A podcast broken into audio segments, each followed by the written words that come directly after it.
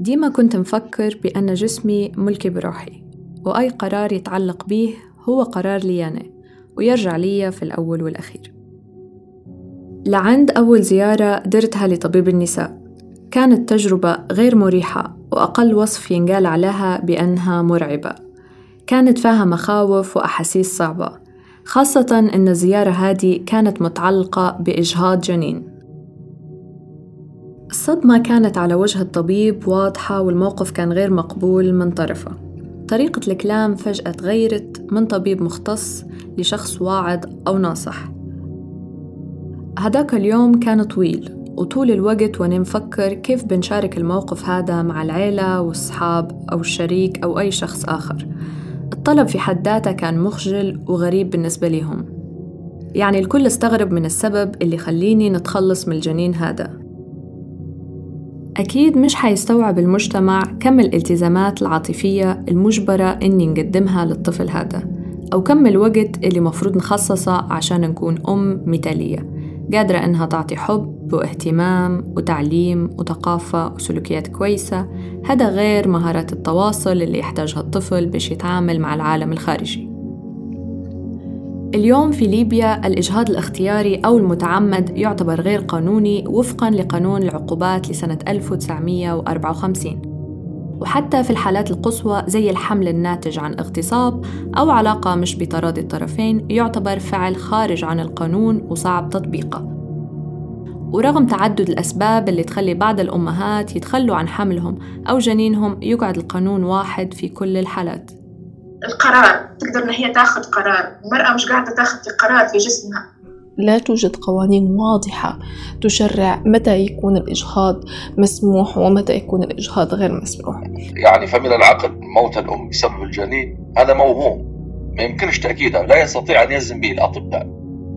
ولأن القانون مش قادر يعطي ضمانات للأم اللي معاش قادرة تستمر في حملها بل يوجه لها عقوبة توصل لأكثر من ستة شهور سجن وأي شخص يساعدها زي الطبيب أو الممرض توجه ليه عقوبة سجن مش أقل من ستة سنين. هيك يضطروا هلبة أمهات إنهم يسافروا لدول تانية عشان يتحصلوا على أبسط الخدمات الطبية بطريقة قانونية. في بعض الحالات مجرد طلب الأم الإجهاض يعرضها للخطر. فكرة الإجهاض ديما مش محبذة عند الأطباء وعند الناس بشكل عام. ولكن أحيانا بعض السيدات يمروا بظروف مختلفة تكون ضد خططهم الشخصية أو طموحاتهم الأسرية. وغير هذا وهذا أحيانا يصير الحمل بطريقة غير مخطط لها. والشيء هذا يخلي في الأمهات محبطات إلى حد ما كونهم غير مستعدات لدخول المرحلة هذه في وقت قصير. ناهيك طبعا عن الأسباب المادية للأسرة أو معاناة الأم لمرض نفسي أو عقلي ممكن يخلاها مش قادرة تكون في وضعية مثالية لاستقبال الطفل هذا. الناشطة النسوية فاطمة العمراني تحكي على تجارب مشابهة للنساء في داخل ليبيا والصعوبة اللي تواجههم باش يلقوا خدمات إنجابية وطبية جيدة. حالات الإجهاض موجودة وللأسف إن آه، يعني هذه حاجة تصير.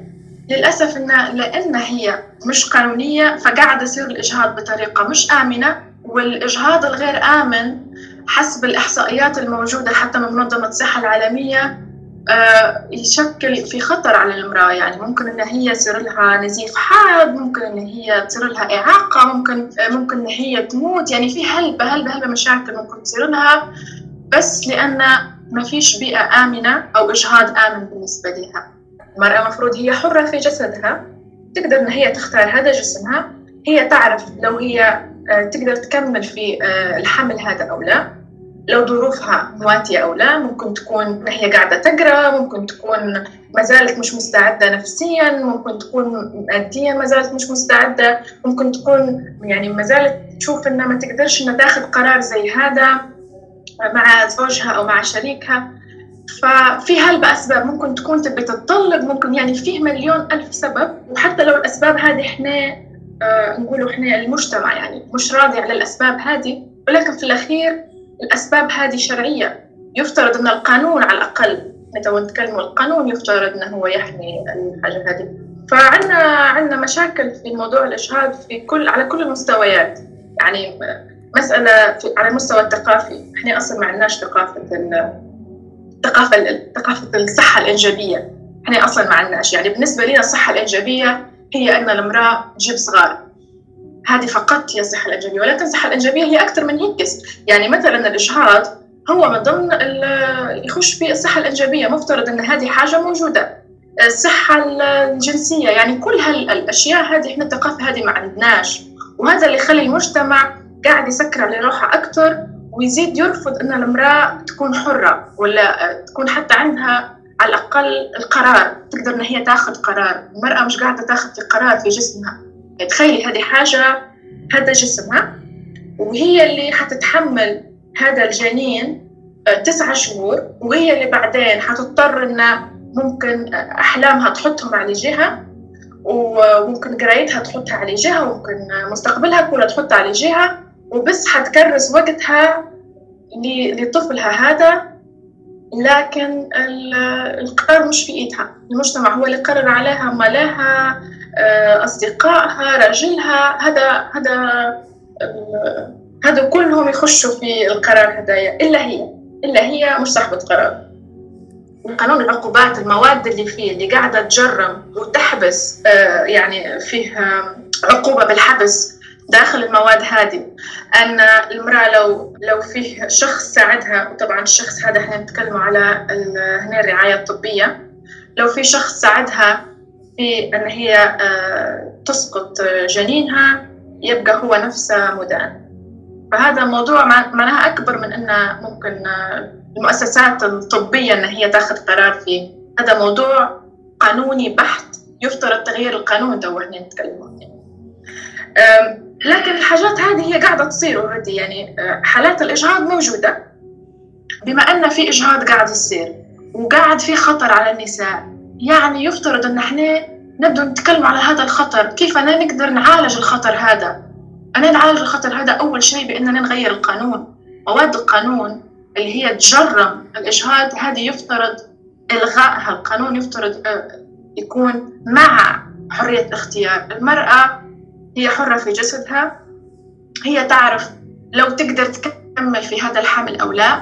صراحة المحزن هنا أن لم المنطق المنطق هدايا الناس اللي تتكلم بالمنطق هدايا هي قاعدة تفكر في الجنين هذا اللي هو مازال أصلا مش كائن حي مازال هو أصلا مش طفل.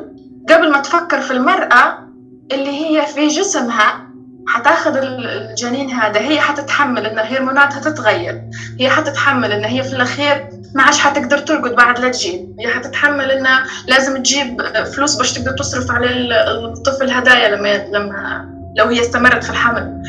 آه، وهي اللي حتتحمل إن ممكن قرايتها ممكن حلمها ممكن شهاداتها تحطها كل هذا كله تحط على جهه يعني ما فيش جريمة أكبر قاعدة ترتكب غير الجريمة اللي ترتكب ضد المرأة. هي اللي تفترض تاخذ القرار هدايا مش حد تاني. فمحزن محزن بس المنطلق هذا الناس اللي تتكلم بالمنطلق هدايا هلبة محزن لأنه مش قاعدين يفكروا في المرأة اللي هي هذا جسمها هي هي اللي حت حتحمل وهي اللي حتجيب وهي اللي حتكبر. فإن تقولي تقولي لا هذه فيه جريمة ترتكب في حق اللي في بطنها هذا مش صحيح.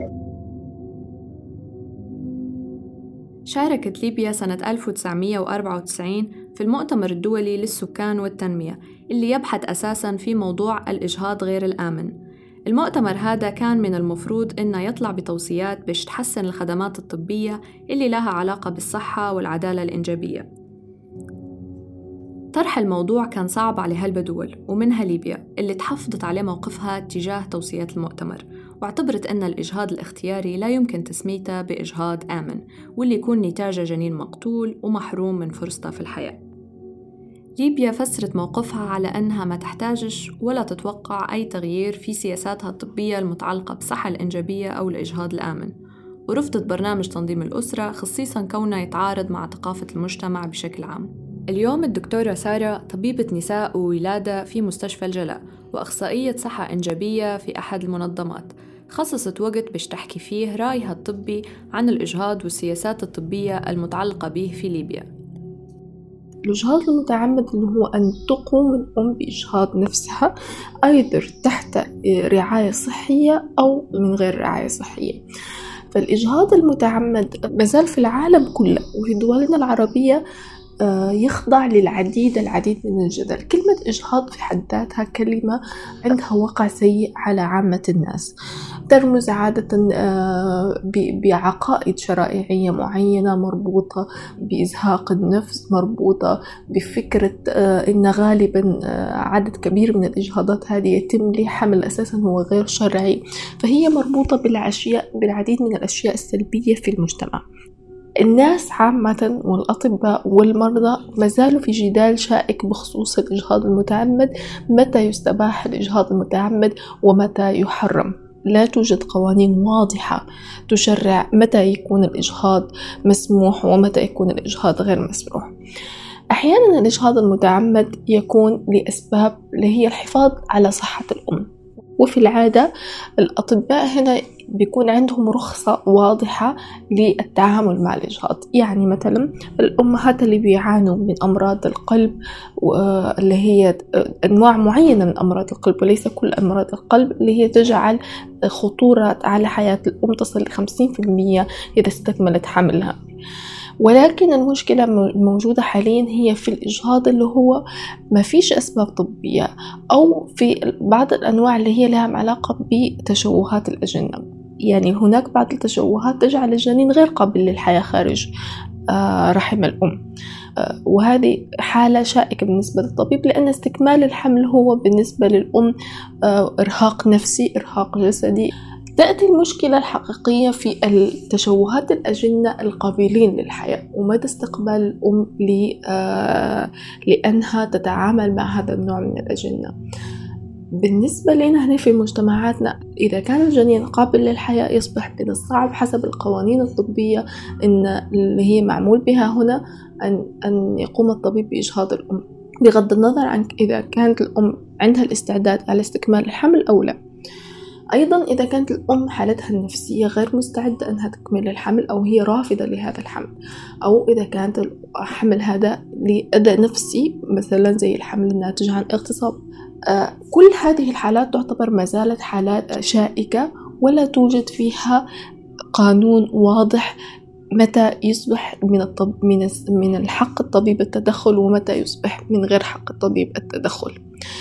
ليش؟ لأن هنا يأتي الفتاوي الشرعية ومتى يحلل الإجهاض ومتى يحرم الإجهاض ونحن في مجتمعات يجب أن تأخذ برأي الشرع ولا يمكن تجاوزه.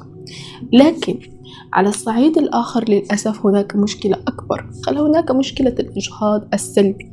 ماذا يعني الإجهاض السلبي؟ اللي هو الإجهاض الغير قائم تحت إشراف الأطباء اللي هو آه، إحنا نقدر نقوله عنه الإجهاض اللي في الخفاء.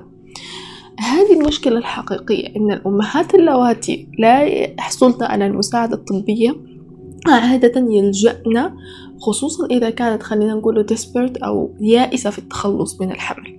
فإذا كانت الأم يائسة في التخلص من الحمل بالتأكيد ستلجأ للوسائل أو لأشخاص غير ممتهنين للمهنة أشخاص غير مؤهلين إنهم لإعطاء النتيجة النصيحة الطبية غير مؤهلين حتى على الإشراف على عملية الإجهاض. تلجأ لمواد غير مصرح بها في الإجهاض لأنواع من الحبوب غير مصلح بها من الإجهاض لأنواع من الأدوية آه، غير آمنة أو آمنة وليس ولكن بجرعات آه، غير آمنة. وبالتالي هنا نواجه خطر زيادة معدلات وفيات الأمهات وزيادة معدلات المضاعفات الناتجة عن هذا النوع من الإجهاض. فلهذا عدم وجود قوانين واضحة من شأنها أن تساعد الأطباء ومن شأنها أن تحترم قرار المريضة ومن شأنها أن تأخذ أيضا بالرأي الطبي والشرعي ووجود تعاون بين الجهات القضائية والجهات الشرعية والجهات الطبية في التعامل مع كل حالة على حدة. هذا للأسف سيؤدي لنتائج غير محمودة وهو اوريدي في نسب كبيرة من المضاعفات التي ممكن أن تحصل للأمهات. رزق من عند ربي هذا حرام كيف يهون عليك؟ ولدك تقتليه. الجمل هذه تتردد هلبة من الدائرة القريبة بالأم المتزوجة. لكن طبعا السيدة الحامل خارج إطار الزواج تواجه صعوبة في مشاركة حادثة الحمل في حد ذاتها لأن الشيء هذا ممكن يعرضها لما يعرف بجرائم الشرف. واللي للأسف العائلات تلجأ ليه باش تحافظ على شرفها وتنهي أي أوصام معينة تلحقهم بسبب هذه العلاقة.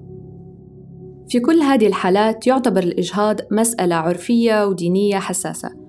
أغلب رجال الدين اختلفوا على أسبابها ومواعيدها ونوع المذهب اللي تتبع الأم.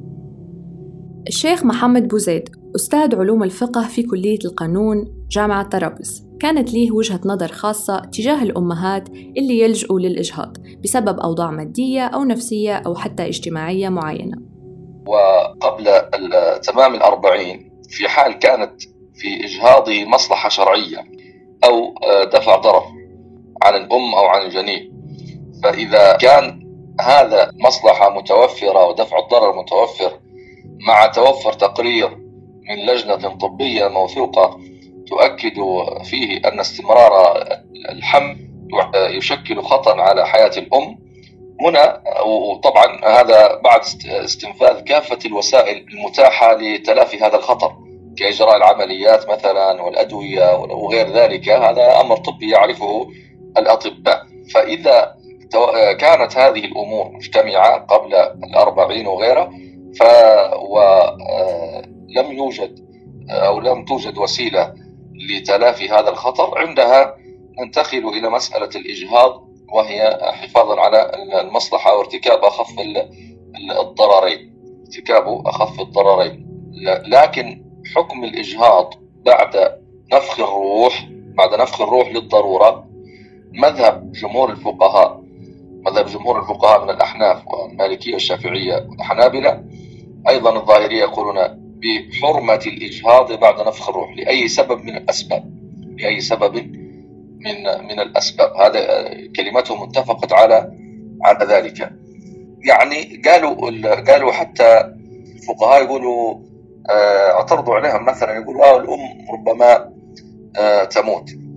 أحيانا تجرى له عملية قبل ولادته قبل أن يولد تجرى له عملية وموت الأم هنا ليس بمتحقق بل هو وهم يعني ليس بأمر يقيني جدا. فلا نبني على الوهم حكما يعني نساهم في إهلاك النسل.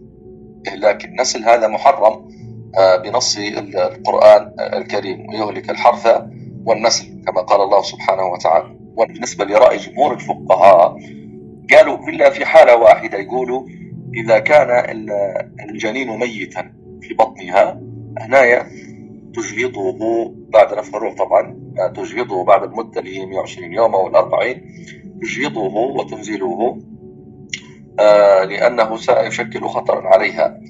لكن إذا كان هو حيا ويشكل نسبة ربما مئوية آه، في خطر عليها قالوا إحياء النفس بقتل نفس أخرى هذا لم يرد في الشرع. يعني فمن العقل موت الأم بسبب الجنين هذا موهوم. ما يمكنش تأكيدها لا يستطيع أن يجزم به الأطباء.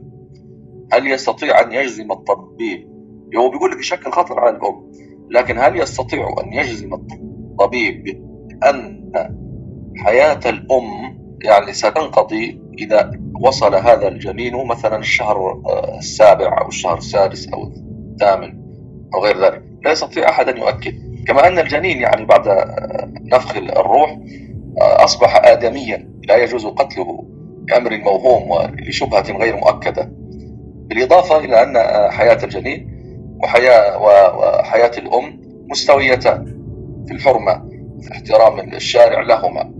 فلم يرد في الشرع ما يبيح قتل نفس لإحياء أخرى. ضرورة تقدر بقدرها كما هي القاعدة الشرعية.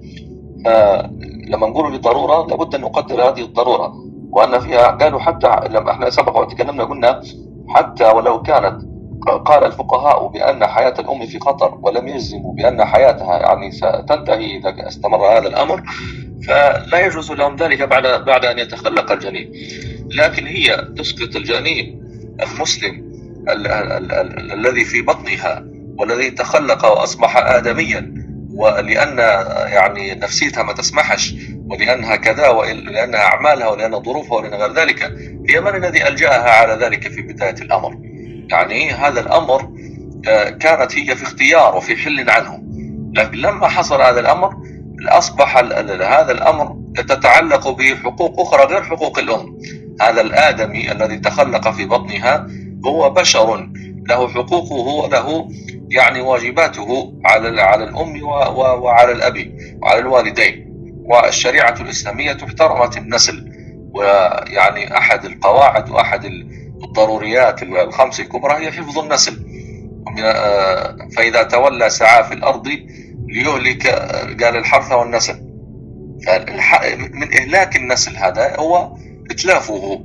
ولا فلا يجوز لها للظروف النفسية وإلا غيرها أن أن تؤدي بإجهاضه والقرار ليس لها. قرار للشريعة الإسلامية التي آه، حافظت على حياة البشر وحافظت بل حتى الحدود تدرأ بالشبهات. يعني إذا كانت في مجرد شبهة قائمة فلا يقام الحد على على هذا الأمر. فكيف على حفاظا على الأنفس طبعا؟ إن حفاظ النفس هذا الشريعة الإسلامية يعني آه، أحاطته بسياج حصين. ولكم في القصاص حياة يا أولي الألباب. فالقاتل يعني إذا قتل نفسا بغير حق يقتل. لماذا؟ لأن فيه حياة للناس الآخرين. فيه استمرار للنسل. فيه استمرار للحفاظ على النفس البشرية. فلا يجوز لها أن تسقطه لأن هذا الأمر أصبح متعلقا بحقوق أخرى غير حقوق الأم. الآراء المختلفة اللي قدمناها في الحلقة هذه تعكس وجهات نظر الضيوف الشخصية.